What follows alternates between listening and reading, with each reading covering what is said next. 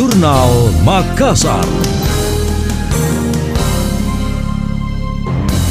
Saya Priscila Rini dalam Jurnal Makassar.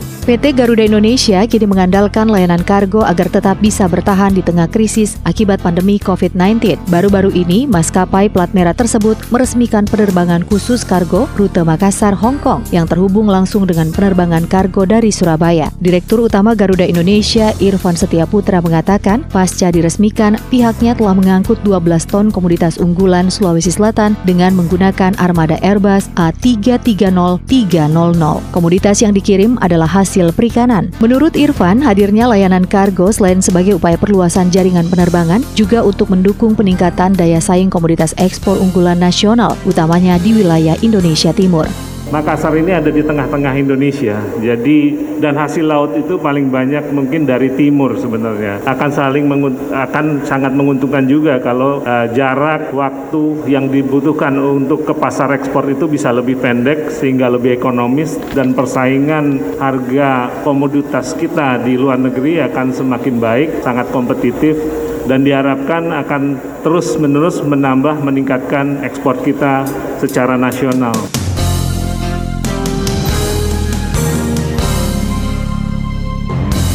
Irfan mengakui dengan perluasan konektivitas rute khusus kargo ini dapat menjadi salah satu peluang bisnis yang secara berkelanjutan akan terus dioptimalkan. Selaras dengan tren kebutuhan pengangkutan kargo yang terus tumbuh, apalagi Makassar menjadi hubungan penerbangan di kawasan timur Indonesia. Ia menambahkan hingga September 2021, Garuda Indonesia mencatatkan jumlah tonase pengangkatan kargo menuju Hong Kong mencapai 800 ton lebih atau tumbuh 300 persen dibandingkan pada periode yang sama di tahun sebelumnya. Anda tengah mendengar Jurnal Makassar.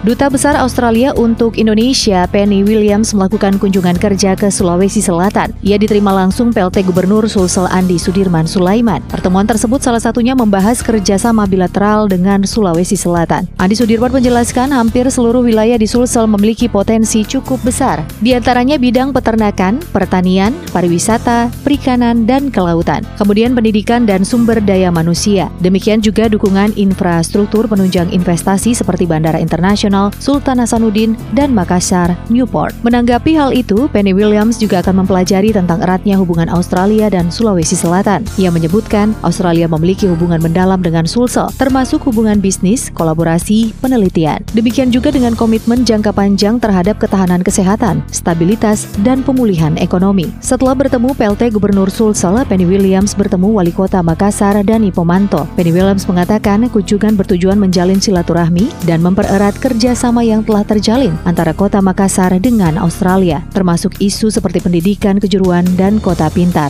Pertemuan itu juga sebagai bentuk komitmen Australia untuk penelitian inovatif dan pembuatan kebijakan berbasis bukti termasuk program PAIR, KSI, dan RISE. Hal yang sama ditegaskan Wali Kota Dani Pomanto dalam pertemuan ini, dimanfaatkan untuk mengungkapkan rasa terima kasih atas kunjungan Dubes Australia yang sudah banyak mendukung berbagai program Kota Makassar.